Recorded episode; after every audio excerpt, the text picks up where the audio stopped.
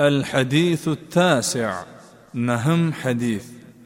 الدعاء بعد الأكل والشرب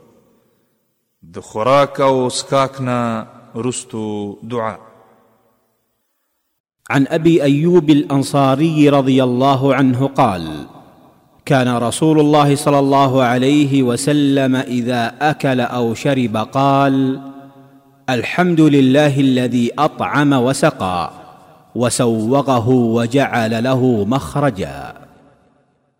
ابو ايوب الانصاري رضي الله تعالى عنه سخر روايه دے فرمائی الله رسول صلى الله عليه وسلم چې بکله ياسكا كوكرو نو دا دعا به یې لوستله، الحمد لله الذي اطعم وسقا وصوغه وجعل له مخرجا ټول صفتونه د کمال الله تعالی لره دي چې مونږ ته یې خوراک او څښاک راکړو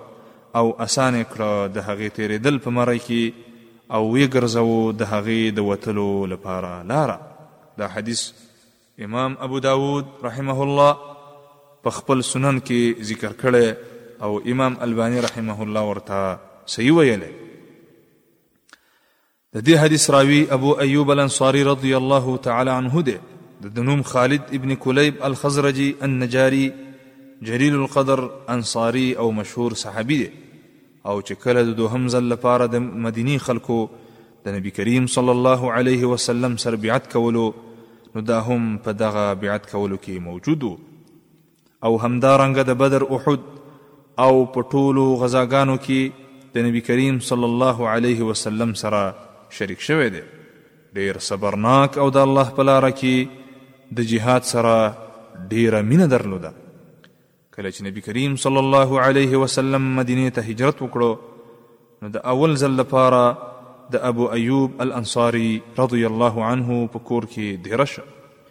تر دې پورې چې نبی کریم صلی الله علیه وسلم خپل کور او مسجد تعمیر کړو ابو ایوب الانصاری رضی الله عنه د نبی کریم صلی الله علیه وسلم څخه یو سلو پنځه پنځوس احادیث روایت کړي دي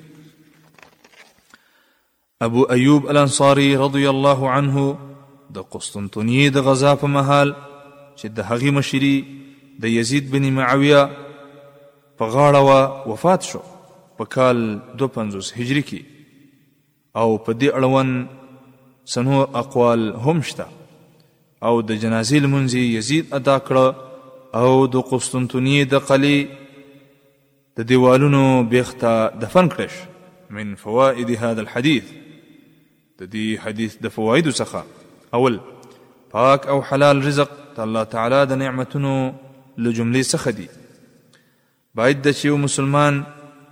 د دې په مقابل کې د الله تعالی شکر ادا کړي دوهم د الله تعالی په نعمتونو کې فکر سوچ کول د غوره عبادتونو د جملې څخه دي دریم یو مسلمان بنده باید خپل خالق رازق وپیژني او د هغه ثنا او صفاتونه بیان کړي او د هغه شکر ادا کړي او د هغه د عبادت او معرفت نه غافل نشي